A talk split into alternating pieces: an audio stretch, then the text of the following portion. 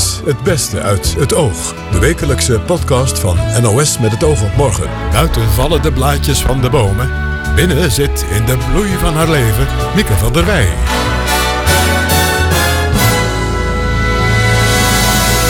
Zo is het. Hartelijk welkom bij de mooiste gesprekken uit het oog. We hebben onder meer het verhaal van een vrouw die als baby gedwongen werd afgestaan. En pas op haar 21ste zag ze haar biologische ouders weer. Je hebt zoveel achterstand, dat is niet meer in te halen. Je hebt zo'n groot deel van je leven gemist. En het verhaal van Annelies, die op een dag een vreemdeling in de tuin van de buurman aantrof en besloot alles op alles te zetten om hem te helpen. Want. Als hem iets overkomt, hij krijgt niet eens een graf. En er is muziek.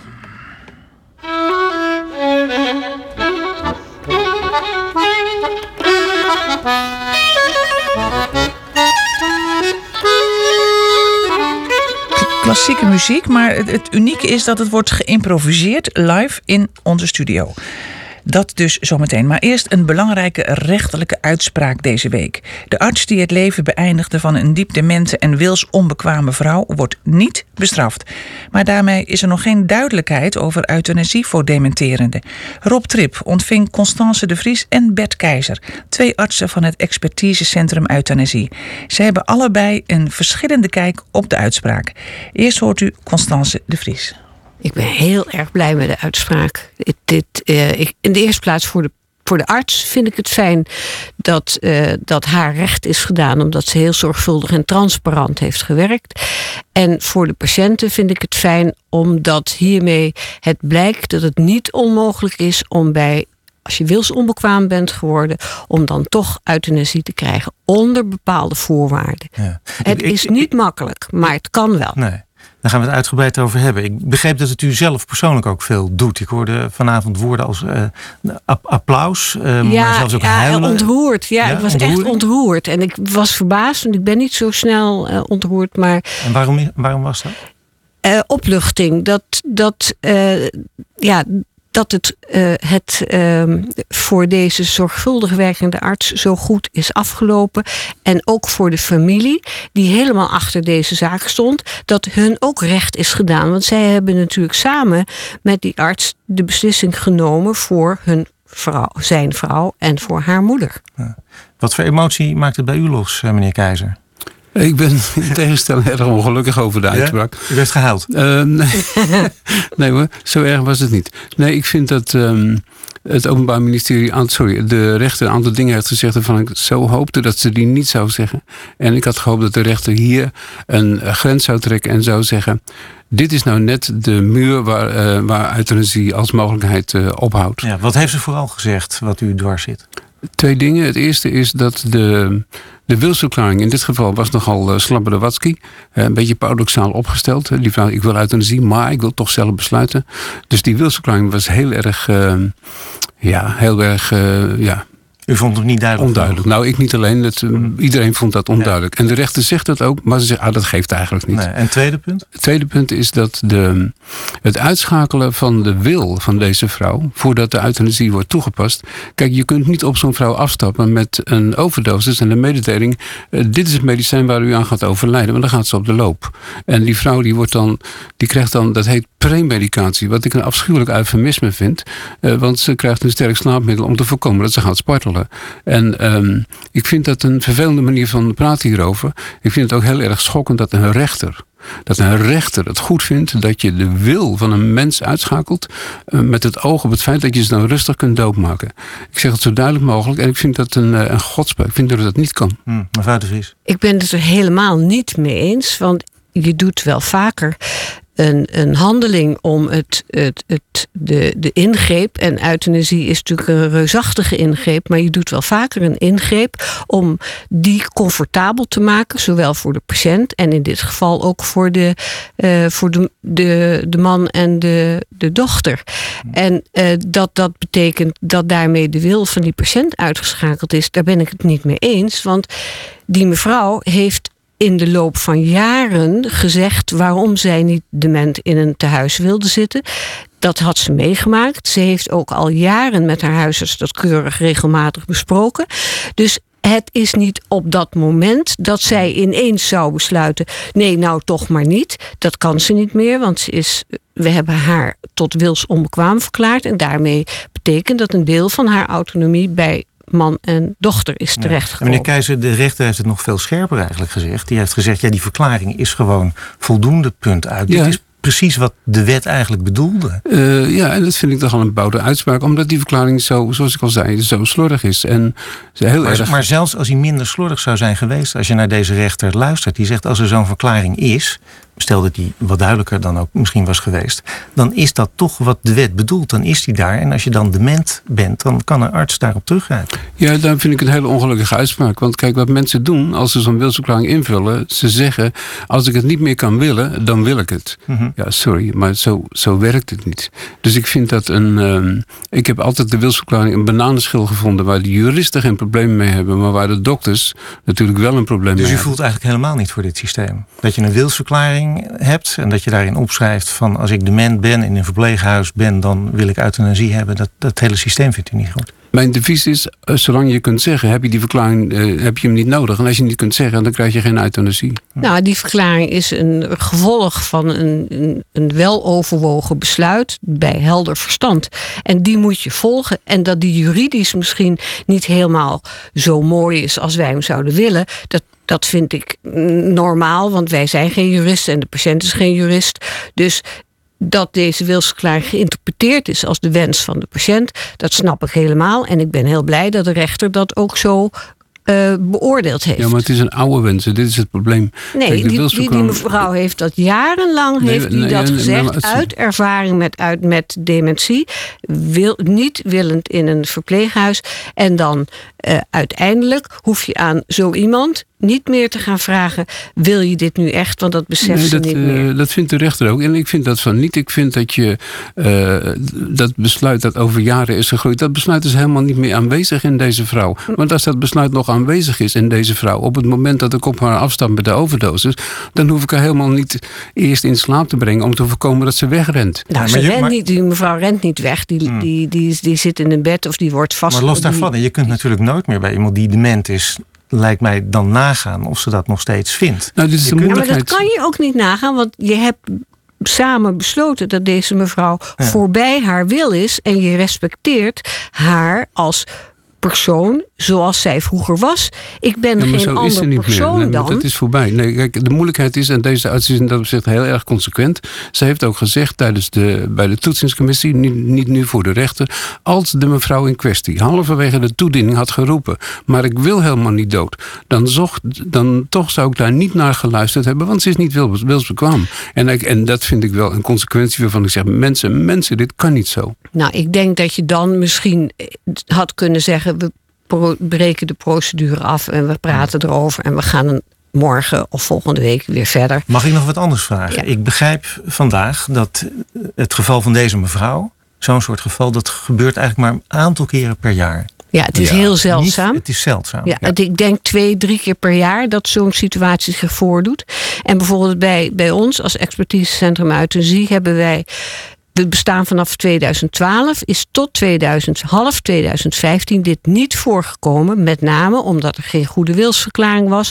Of omdat de patiënt op het moment dat de euthanasie gewenst zou kunnen zijn. Omdat ze in die situatie beland was die ze nooit had gewild, omdat ze toen niet ondraaglijk leed. Ja, dat is nog wel een belangrijk punt, denk ik. Want veel mensen die het nieuws vandaag natuurlijk volgen, die denken: dan is er een verklaring, dan heb ik zo'n verklaring gemaakt. Daar staat dan in: ik wil, als ik in een verpleeghuis ben, dement, dan wil ik euthanasie hebben. Dat is op zich niet voldoende. Nee, het, je, geen dokter gaat een patiënt een, een injectie geven of een drankje geven die nog heel tevreden in de stoel zit en een babytje knuffelt. Maar nog even terug naar die vraag van dus wat, wat, wat is er dan nodig om wel euthanasie te kunnen krijgen? Wat is dan ondraaglijk lijden? Uh, dat ondraaglijk lijden, dat, ik vind dat je dat bij een demente vrouw, ook bij deze vrouw, dat je dat goed kunt inschatten. En wat dat is, het niet, dan? Hoe- Wat is het dan? Kunt u dat Deze vrouw was wanhopig. Ze was altijd aan het zwerven. Ze kwam uit bed 's nachts. Ze was angstig. Ze vocht met medebewoners. Ze vocht met personeel. Ze was waarschijnlijk, ik, dat heb ik niet gehoord, maar dat is vaak het geval, laat zich niet schoonmaken. Ze is dubbel incontinent. Ze verliest Ja. plassen en ze verliest ontlasting. Zo'n vrouw moet verschoond worden. Dat, dat neemt ze niet. Ze gaat slaan met de zuster. Die vrouw die was echt, eh, en daar was iedereen het over eens. Ik ook. Die was een doodongelukkige Ja, En uit het feit dat het dus zo weinig voorkomt dat er euthanasie bij eh diep demente Ja. mensen voorkomt, moet ik opmaken dat het voor heel veel andere mensen die dement zijn nu in Nederland, dat dit soort omstandigheden zich dan niet voordoen. Nou ja, nu begint het gemieten. Dat is het lastige. Je hebt in elk verpleeghuis heb je wel, heb je wel een paar van die mensen. Nou ja, waarvan daarom je, vraag ik het juist. Nou, het- kijk, nu, en daarom, daarom vind ik de uitspraak zo ongelukkig. Ehm, nu is er een, ehm, een soort nieuwe druk gekomen.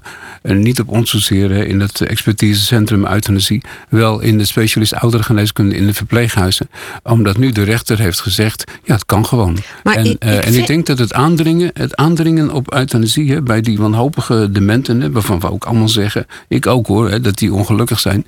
Het aandringen zal toenemen. En ik, ik heb een beetje, ik heb te doen met mijn collega's in verpleeghuizen waar ik niet meer werk, maar die, eh, die gaan tegemoet getreden worden met een nieuw soort eh, ja, dwang vanuit de familieleden. Wat denkt u mevrouw de Maar Vries? ik, ik denk dat patiënten en hun familie recht hebben om dat goed na te kijken. En je kunt niet zeggen, mevrouw, deze of mevrouw krijgt geen euthanasie omdat zij wilsonbekwaam is geworden. Nee, dat heeft nog steeds, als er ondraaglijk lijden is, reden om dat goed na te kijken. En mijn ervaring is dat als, als dat toch blijkt niet te kunnen, omdat er bijvoorbeeld een, een, een slechte wilsverklaring is of geen wilsverklaring, niet voldoende over gesproken is in het verleden, of er is geen duidelijk ondraaglijk lijden, dan gaat het niet door en dan accepteert de familie dat ook als je dat maar goed hebt nagekeken.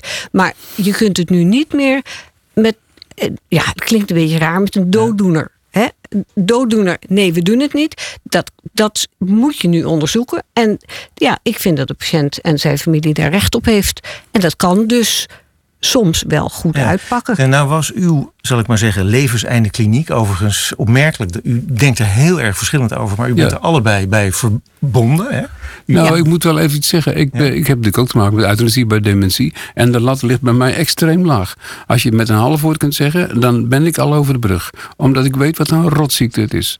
Dus ik ben nou niet iemand die continu staat te breken van... oh, ze moeten het echt in drie talen heel erg duidelijk zeggen. nee, bij dag en bij nacht. U, u, u bent kritisch, u bent hyperkritisch op wat de rechter vandaag heeft gezegd. En dan kom ik straks misschien bij de levenseinde kliniek, Ja. zoals die vroeger heette. Bij wie kom ik dan eigenlijk terecht? Eh, Kom ik Nou, dan bij meneer Keizer of bij mevrouw de Nee, Vries? nee, wij, Nee. wij, wij- Of mag ik kiezen? Je mag, Nee, moet je luisteren. je We mag hebben- niet. Nee, je- Ja. Er zijn artsen die bijvoorbeeld, om het nu uit het, uit het schema van de dementie te trekken, er zijn artsen die zeggen: Ik doe nooit een euthanasie bij iemand met een psychiatrisch ziektebeeld. Dat vind ik te ingewikkeld.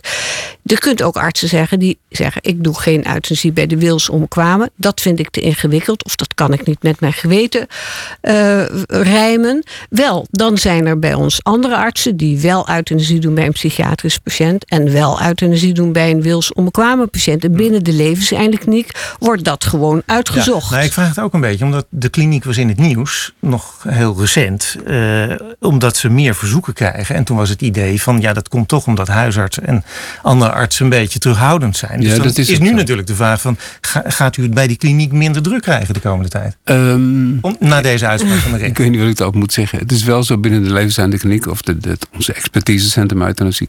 Als je een patiënt afwijst, eh, dan eh, moet je wel verdedigen ten opzichte van je collega's. Dus ik kan niet, eh, niet zeggen van, nou ja, dokter K doet dat nou eenmaal niet en dus hebt u pech. Ik zal tegen mijn, over, tegenover mijn collega's, moet je een afwijzing moet je beargumenteren. Ja. En een collega kan dan zeggen, nou goed dat jij dat niet doet, maar dan doe ik het wel. Ja. Dat- af- dat af- kan. Afrondend, de hoopt u op een hoger beroep, meneer Keizer? Eh, daar wil ik twee dingen over zeggen. Het is een ramp voor die arts, dat zegt iedereen. En zij, eh, zij, voor haar is het een martelgang. En voor haar is deze vrijspraak een hoogst ongelukkige ontwikkeling. Ze had veel beter schuldig bevonden kunnen worden. Want dan had het OM niet meer zoveel kunnen doen. Nu zal het OM bijna zeker eh, omhoog gaan. En dat is, En dat vindt u een goede zaak? ik vind het een goede raad. Ik vind dat het bij de Hoge Raad terecht moet komen. En dat we dan, dan krijgen de uitspraak waar we allemaal naar zoeken. Maar Jacob Koonstam heeft vanavond ook bij Nieuwsuur gezegd... Daar, moet een, daar bestaat een route voor zonder dat die dokter continu in die Eh, rechtszaal moet gaan zegt, zitten. De Hoge Raad moet sowieso er iets Ja. over zeggen. En je Ja. zou het eigenlijk via Maar ik zou moeten dus, kunnen ja, doen. een nu mevrouw de Vries tot slot hoopt. Ik, ik hoop zeker niet op een hoger beroep. Ik Nee. vind dat het hiermee afgedaan is. En ik verwacht ook niet dat, dat bij deze ingewikkelde problematiek eh, iets, ik, ik veel kan verwachten van dat soort uitspraken. Laat het nou maar fijn bij, eh, bij zoals het nu is. Ja, ik denk dat dat nooit helemaal bij elkaar komt. In ieder geval levert het stof tot nadenken op dit gesprek. In de jaren 50, 60 en 70 nog moesten duizenden ongehuwde moeders in Nederland hun kind afstaan. Wilfried de Jong sprak met Eugenie Smits van Waasbergen. Ook zij was zo'n kind. Bij haar geboorte heette ze nog anders. Ik heette Gepke Maria Kortekaas. Dan, dan is er in de naam al gelijk zoveel veranderd. Hè? Ja, zeker. Ja, ja dan, ben je, dan word je geboren en dan na een jaar krijg je dus eh, krijg je een andere naam. Ja. Ja. En jouw moeder heeft eh, jou destijds in welk jaar? In 1965. 65, zei Ja. ik. eh, heeft hij jou Ja. onvrijwillig afgestaan. Ja, klopt. Eh, eh, hoe, zag de situatie rond jouw moeder eruit? Wat weet je daarvan? Nou, de situatie is heel vergelijkbaar met eh, ook het verhaal van Trudy vandaag. Mijn moeder, de Trouw, eh, hè, stond dat, ja, groot ja, verhaal? dat klopt. Ja. Ja. Eh, zij, zij raakte zwanger. Ze had anderhalf jaar verkering met mijn vader. Nou, dat was in die tijd natuurlijk... als je verkering had, dan was je natuurlijk nog niet getrouwd. Nee. Zij was eh, 19 en dan moet je je ook voorstellen dat als je toen 19 was, dan zou je nu 14, 15 zijn. Hè? Dus dat is natuurlijk al een beetje veranderd. En ehm, eh, zij kreeg, eh, net als Trudy, eh, te horen van haar moeder: van ja, dat, dat, dat kan niet. Dat kan niet in dit gezin. Eh, dus ja, jij moet gewoon weg tijdens de zwangerschap. En jij kunt hier alleen terugkomen zonder jouw kind. Ja. En de relatie moet je verbreken en je mag er met niemand over praten. Ja, het was een groot taboe. En de enige manier was uit huis. Ja. Het, het, het wegmoffelen ergens op een plek. Ja. eh, geboren laten worden en uit, zo snel mogelijk uit elkaar. Ik, Ja. ik, ik, las, ik las in dat verhaal over die me- mevrouw, over die Trudy in, in, in, het, in, in het dagblad Trouw. Dat, dat die zelfs bij geboorte geblinddoekt werd. Hè? Ja, dat klopt. Dat is mijn moeder, bij mijn moeder ook gebeurd. Ook? Ja, geblinddoekt. En eh, ik werd ook meteen weggehaald, dus voor ik kon gaan huilen. En de gedachte was inderdaad dat je dan eh, de, de moeder zich niet zou hechten aan het kind. Mhm. Eh, ja, en dat is in ieder geval iets waarvan ik wel denk, ja, daar heeft toch echt iemand over nagedacht, hè? Dat, Ja. je, dat, dat, je, dat, dat je dat zo in praktijk ging als het in brengen. verschillende huizen gebeurt, dan is dat van eh, overheidswegen ook gebeurd. Zeker, ja, ik. want mijn moeder is Wat ook vind in je een- daarvan ja. eigenlijk? Ja, wat vind ik daarvan? Ik ben vooral heel erg benieuwd. Ehm, laat ik het zo zeggen. Ik, ik, nou, ik wil eerst even iets vooraf zeggen, Ja. als dat mag. Ja. Ehm, ik denk dat vandaag heel veel mensen geraakt zijn geweest door deze publicatie. En ik heb ook nogal wat reacties gelezen. En, eh, en ik snap dat het iedereen raakt. Want het gaat natuurlijk over familie, het gaat over baby's, het gaat over verbindingen die we natuurlijk allemaal van binnenuit kennen. Eh, maar ik vind het wel belangrijk om daar aandacht voor te vragen. Dat, eh, zoals het mij raakt, dat het heel veel mensen raakt die deze geschiedenis meemaken.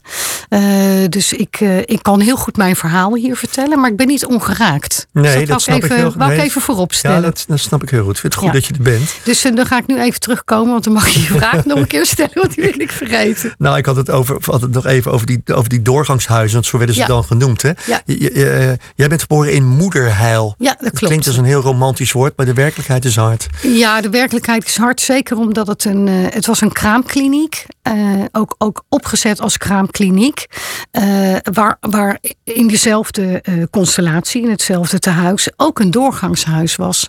En toen uiteindelijk in de jaren zestig de nonnen dat huis verlieten. Dus er waren geen zusters meer in dat huis. was het alleen nog maar een doorgangshuis. Dus de, de enige praktijk die er plaatsvond was dat er moeders kwamen die daar hun kind kwamen afstaan.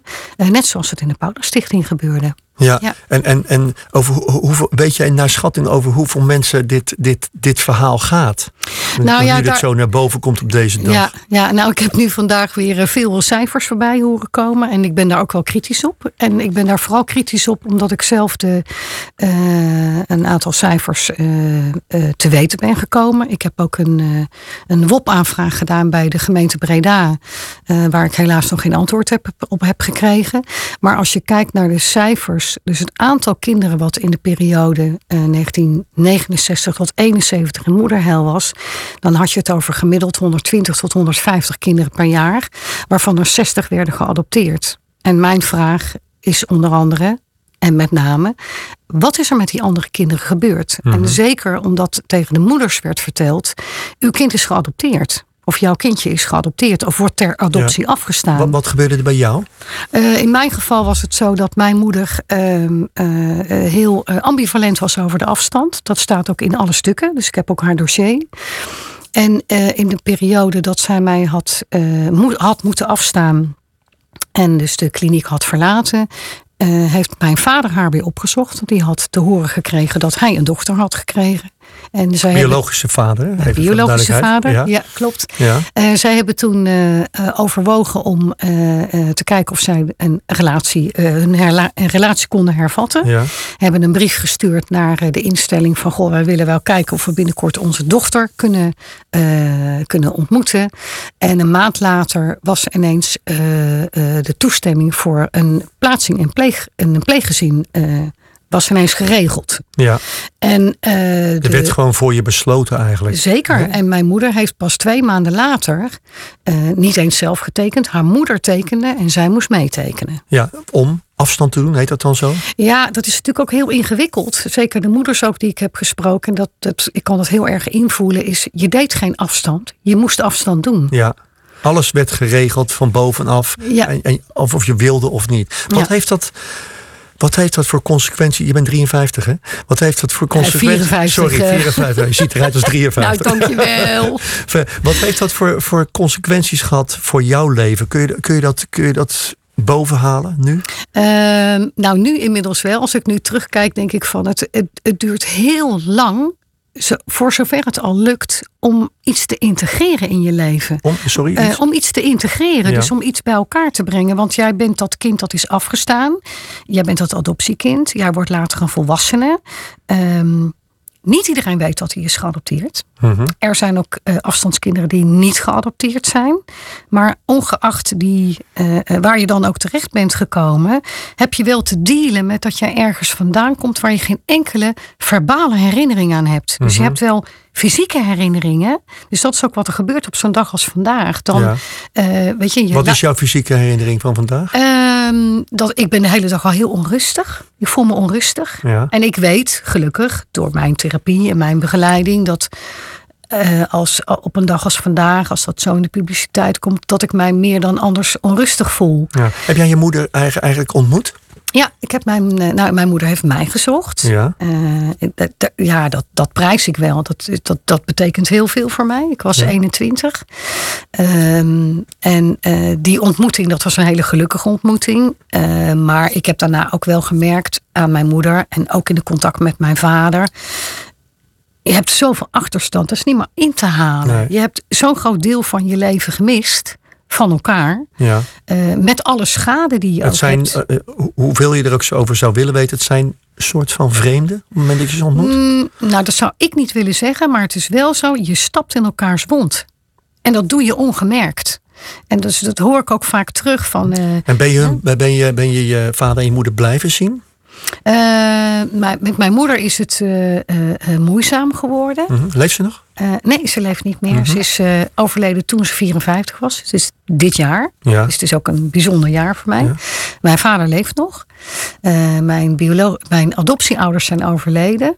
En ehm, ja, dus het is wel een periode voor mij die. ehm, ja, dat is heel dubbel. Ik voel me heel vaak bezwaard. Maar ik voel me in ieder geval wel meer vrij om. Ik wou net zeggen, zou je het woord opluchting ook kunnen gebruiken? Of is dat Nou, een verkeerd dat- woord? Ja, dat vind ik een verkeerd woord. Omdat je bezwaard zegt, kun je, niet, Eh, kun je nooit helemaal opgelucht zijn Nou, misschien. ik ben nooit opgelucht, want je draagt het een leven mee. Eh, maar het feit dat ik wat meer eh, mezelf snap, dat is wel fijn. Laten we het daar maar op houden. Ja, Ja. daar ben ik blij om dat Ja. te horen van Ja. je. Ja, Eugenie Smits van Waasbergen dus sprak met Wilfried de Jong. Schrijver Ivo van Woerden heeft een bijzonder waargebeurd verhaal opgetekend... dat de vreemdelingenproblematiek opeens erg dichtbij brengt. Vreemdeling in de tuin heet het boek. Rob Trip gaat met de schrijver terug naar de zomer van 2017... toen er ineens een jongen in de tuin van de buurman van Annelies lag.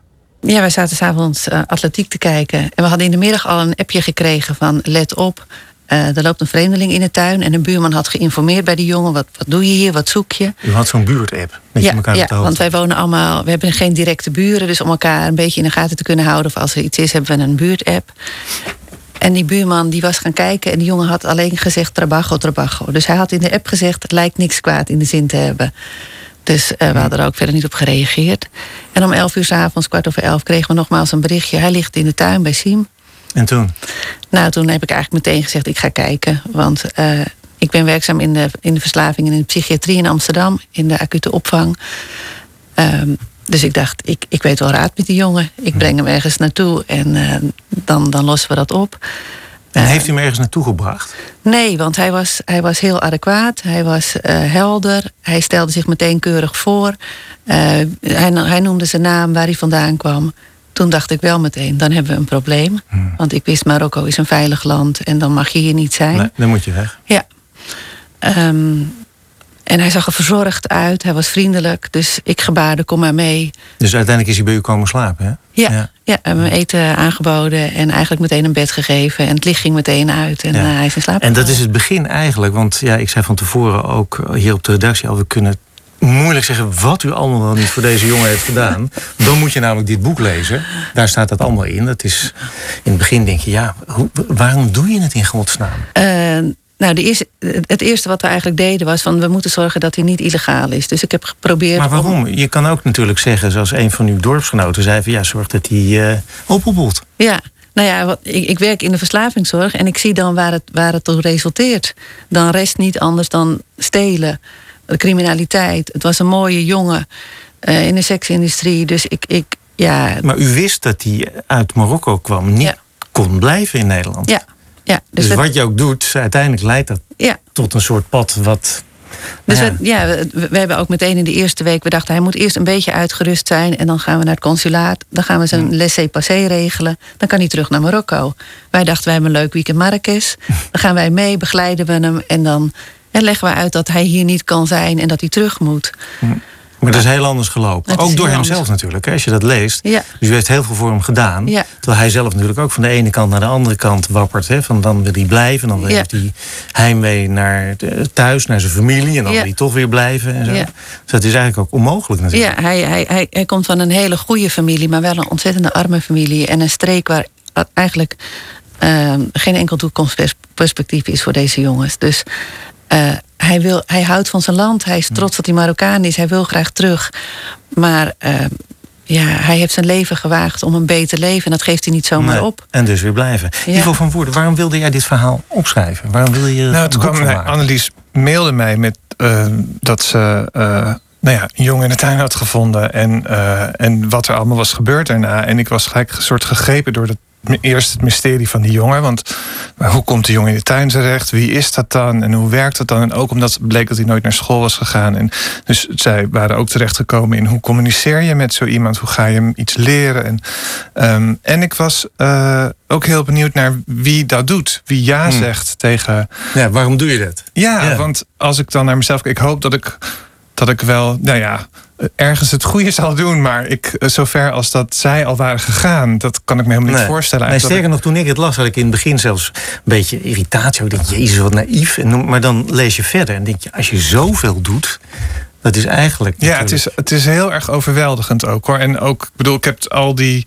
Nou ja, we zijn nu, we kennen elkaar nu bijna twee jaar. Maar ja, van zo dichtbij gezien. Het is heel overweldigend om te zien hoe ver mensen willen gaan om een ander te helpen. En Ja, met werk zoeken, met, met, werk zoeken, onderdak met onderdak zoeken, met hem alles proberen te leren. Wat Met naar zijn familie heeft. gaan Ja. in Marokko om Ja. te kijken of daar iets te doen is. Om te kijken of er afspraken gemaakt kunnen worden om hem te overtuigen dat terugkomen beter voor hem zou zijn. Met de hulp die Annelies hem zou willen bieden eh, met het hele gezin. Nee, we zijn terug ook gegaan naar Marokko vooral om aan te tonen dat hij Marokkaan was. Ja. Want dat Mm, was het ja. grote probleem. Ehm, Nederland zegt, ja, hij kan wel zeggen, ik heb de IND gebeld. Ik zeg, ik, ik, ik kan aantonen wie hij is. Ja, u zegt dat. Hoe heeft u documenten? Nee, die heb ik niet. Ik dacht, nou, dan moeten we documenten hebben. Want als hem iets overkomt, hij krijgt niet eens een graf. En, dus dan bent u naar Marokko gegaan op eigen kosten, gezorgd dat u vliegtickets had. En Ja. Dat allemaal bekostigd. ja, ja. Zijn familie ontmoet. En ook gewoon gezien dat alles wat hij vertelt, dat klopte. Want heel veel mensen zeiden ja hoor, moeder overleden, zielig, zielig. En wat zei die familie? Van, vonden die dat geweldig dat hij hier zat en dat hij hier een toekomst voor Nee, nee, nee, nee. Die, die vonden het verschrikkelijk. Iedereen miste hem ook heel erg. En het was een hele geliefde, of het is een hele geliefde jongen. En zijn familie uh, wil niets liever dan dat hij thuis komt. Hij is ook echt gewoon weggegaan zonder, zonder het expliciet te zeggen, omdat ze daar allemaal tegen elkaar hadden gezegd. Weggaan, dat moet je niet doen, want op zo'n bootje stappen, dat is je ondergang. En dus dat was wel degelijk bekend. En toch toch. Ja. hij heeft ook hele nare dingen meegemaakt. Hij heeft in detentie gezeten omdat hij eh, in, in contact met justitie is gekomen ook. Hè? Heeft u nou het idee dat uiteindelijk wat u heeft gedaan hem echt geholpen heeft? Um, ja, dat is, dat is mooi. Ik heb heel, daar twijfel ik heel vaak over. En waar, waar twijfelt u dan het meest over? Um, nou, um, ja, ik, ik, twijfel eigenlijk niet. Maar het, het, het is. Want Abdel heeft er ongelooflijk veel van geleerd. En zijn wens om naar Europa te gaan, toen was hij nog helemaal onwetend. Hmm. En uh, ja, hij heeft hier heel veel geleerd. Want voor de duidelijkheid, het gaat, ging uiteindelijk, gaat uiteindelijk niet zo heel goed met hem. Uh, als ik dit lees. Nou, de detentie heeft hem heel veel slecht gedaan. Waar ik eigenlijk in het begin zo bang voor was. Dat de politie zei van. Ja, hij, als hij in detentie komt, dan, dan blijft hij een half jaar vastzitten. Toen dacht ik, we moeten alles voorkomen dat dat niet gaat gebeuren. Maar psychisch stabiel is hij er niet beter uitgekomen. Nou, op zijn downs inderdaad. Ja, maar gelukkig gaat het nu. Gelukkig gaat het nu weer uh, een stuk beter met hem. Maar hij heeft echt van, zeker na die laatste detentie, daar is hij ontzettend door geschaad. En, uh, hmm. en, ja, en, en zijn werk kwijtgeraakt, dat is natuurlijk ook. Uh, en waar is hij nu? Hij, hij, hij woont op zichzelf, hij woont in, in Amsterdam. Hmm. En hij sport, hij gaat drie dagen in de week naar school. Dat is een school voor illegale. en hij, hij heeft wel weer structuur en ja. Nee, want Ivo, jij schrijft dat eigenlijk vlijmscherp aan het einde van jouw boek op. Uh, jij zegt het systeem geeft tegengestelde verwarrende boodschappen af aan mensen. Dat kan je allemaal lezen in dit boek. Hè? Dus als je geen geldige verblijfspapieren hebt. Het is niet strafbaar dat je er bent, maar we zetten je toch vast. Je mag hier niet zijn, maar je mag wel vrij rondlopen. Je moet een boete betalen, maar je krijgt ook geld toe. Dus dan, dat klinkt als een soort. Ja, dat is ook heel erg vast komt te zitten. Ja. Waarin je helemaal En als je, als je natuurlijk uit, ook nog uit een andere wereld komt. en niet naar school bent gegaan. en dan ja, langzaam echt geconfronteerd wordt. En in dit geval dan nog met de hulp van Annelies, die wel weet in ieder geval wat, wat regels zijn en wat niet. Maar als je daarin gevangen raakt. In, maar is het bijna pleidooi als je dit leest voor dan kan je beter een duidelijk systeem hebben? Nou, nou ja, dat wil ik ook heel. Toen, toen hij in... bijna ook zou je zeggen, dan kan je beter een streng systeem hebben. Dat mensen weten waar ze aan toe zijn. Als je ik, komt en je kan niet blijven, moet je terug. Precies, nou ja, ik heb gevraagd. Of van, niet, ja, ja, sorry, ja. Ja, ik heb ook gevraagd van uh, geef hem een meldplicht. Uh, hou hem vast. Geef hem die boete niet. Geef hem die boete pas als hij het land uit kan. En zorg nee, dat hij hij weggaat. Ja, maar nee mevrouw, zo werkt het niet. Dus hij, hij is vrijgelaten omdat de rechter vond dat hij onterecht vast uh, zat. Nederland doet te weinig om aan zijn papieren te komen. Hij wordt vrijgelaten, hij krijgt een schadevergoeding. Maar we zeggen toch, je mag hier niet zijn en je en je moet terug. Dat is voor hem niet te begrijpen. Dat is, ja. dat is heel vreemd. Ja. Je geeft, en daarmee geef je ook de boodschap af.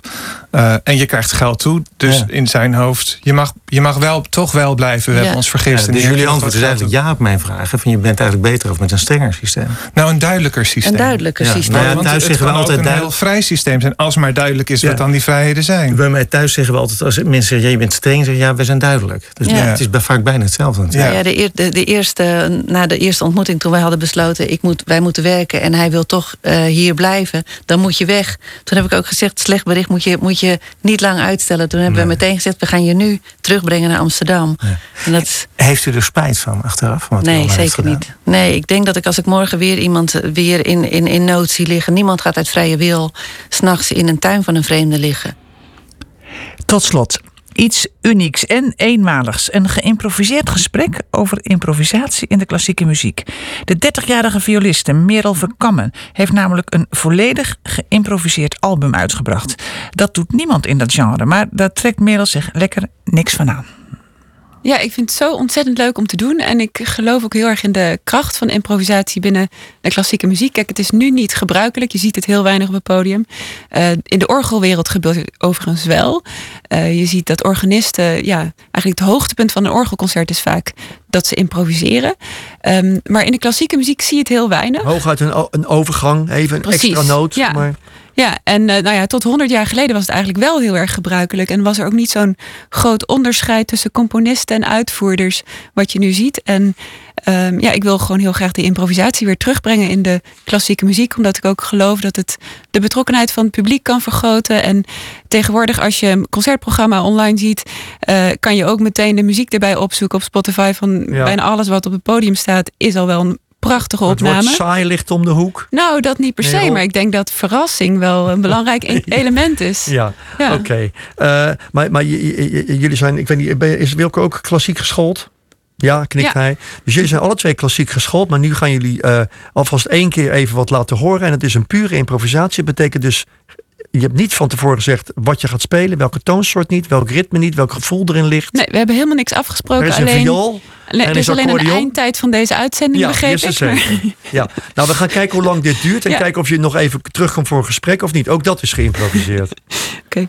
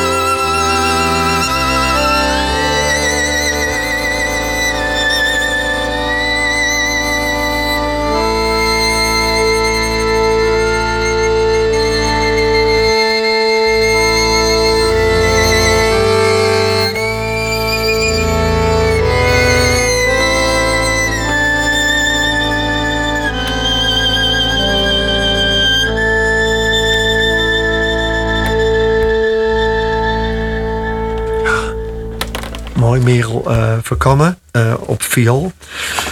En Wilco Omkes, accordeon. Eh, ja, Merel. Ja. Ja, gelijk nabespreking van de improvisatie. Bijna, hoe ging die? Hoe speelde je lekker? Ja. Wat, eh, Ja, ja, het, is, het is grappig. Toen ik deze cd maakte, ging het eigenlijk hetzelfde. ja, Even omhoog houden. ja, De Zoo heet hij. ja. Ehm, ik, toen ik de tracks ging terugluisteren, die ik had opgenomen, alle takes, moest ik ook aantekeningen maken van ja, deze is wel geschikt voor het album, deze niet. Eh, en om een beetje ja, te herinneren van wat die take nou eigenlijk was, ging ik ook aantekeningen maken over de sfeer en zo. En toen kwamen heel snel allerlei dieren in mijn schrift te staan. Dus op een gegeven moment was een bepaalde take eh, gewoon duidelijk een olifant. En een andere take was heel duidelijk een soort vogel. En wil je nu En- vertellen dat je net een dier gespeeld hebt? Ehm, ja, wel, ik wilde eigenlijk aan jou vragen of je er een dier in hebt gehoord. En zo ja, welke? Ik zag een, eh, een, een, vogel op een stokje voor me die zijn ogen dicht had. Oh ja, dat is wel bijzonder. Want volgens mij slapen de meeste vogels met hun ogen open. Ja, maar bij mij Ja. thuis doen ze, doen ze dat dan niet. Improvisatiewereld doen ze dat niet. Ja. Dat, kan, dat kan ook. Ja, je kan ook kan. een beetje improviseren met het het kan ook beeld. een fantasiedier zijn, kan ook. Ja. Want, eh, nou ga ik je een beetje pesten. Ik zat net eh, te luisteren en ik hoorde wel eh, door jou geïnitieerd, Wilco, wel een soort grondtoon die jullie bleven gebruiken. Zo. Ja. Ja. Waardoor je relatief makkelijk ook kunt improviseren en weten waar je aan toe bent. Zou je nog eens een stuk kunnen spelen? Ben je het met me eens? ja, we bleven redelijk in de, in Ja. de A hangen. Ja, ja. de- je jij bleef nog wel in Ja. de A hangen. Ja. Zou- je nog iets levendiger vogeltje kunnen maken met de ogen open die aan het fladderen is dan nu? Een fladderend vogeltje, ja, tuurlijk. Waarbij we niet de Ja. ene de A als grondtoon hebben, maar misschien alles door elkaar? Ja, nou eigenlijk hou ik vooral van in totale vrijheid improviseren. Maar we gaan zeker dit eh, verzoeknummer gaan we... Je hebt, nog, je hebt nog korte tijd, daar gaan we.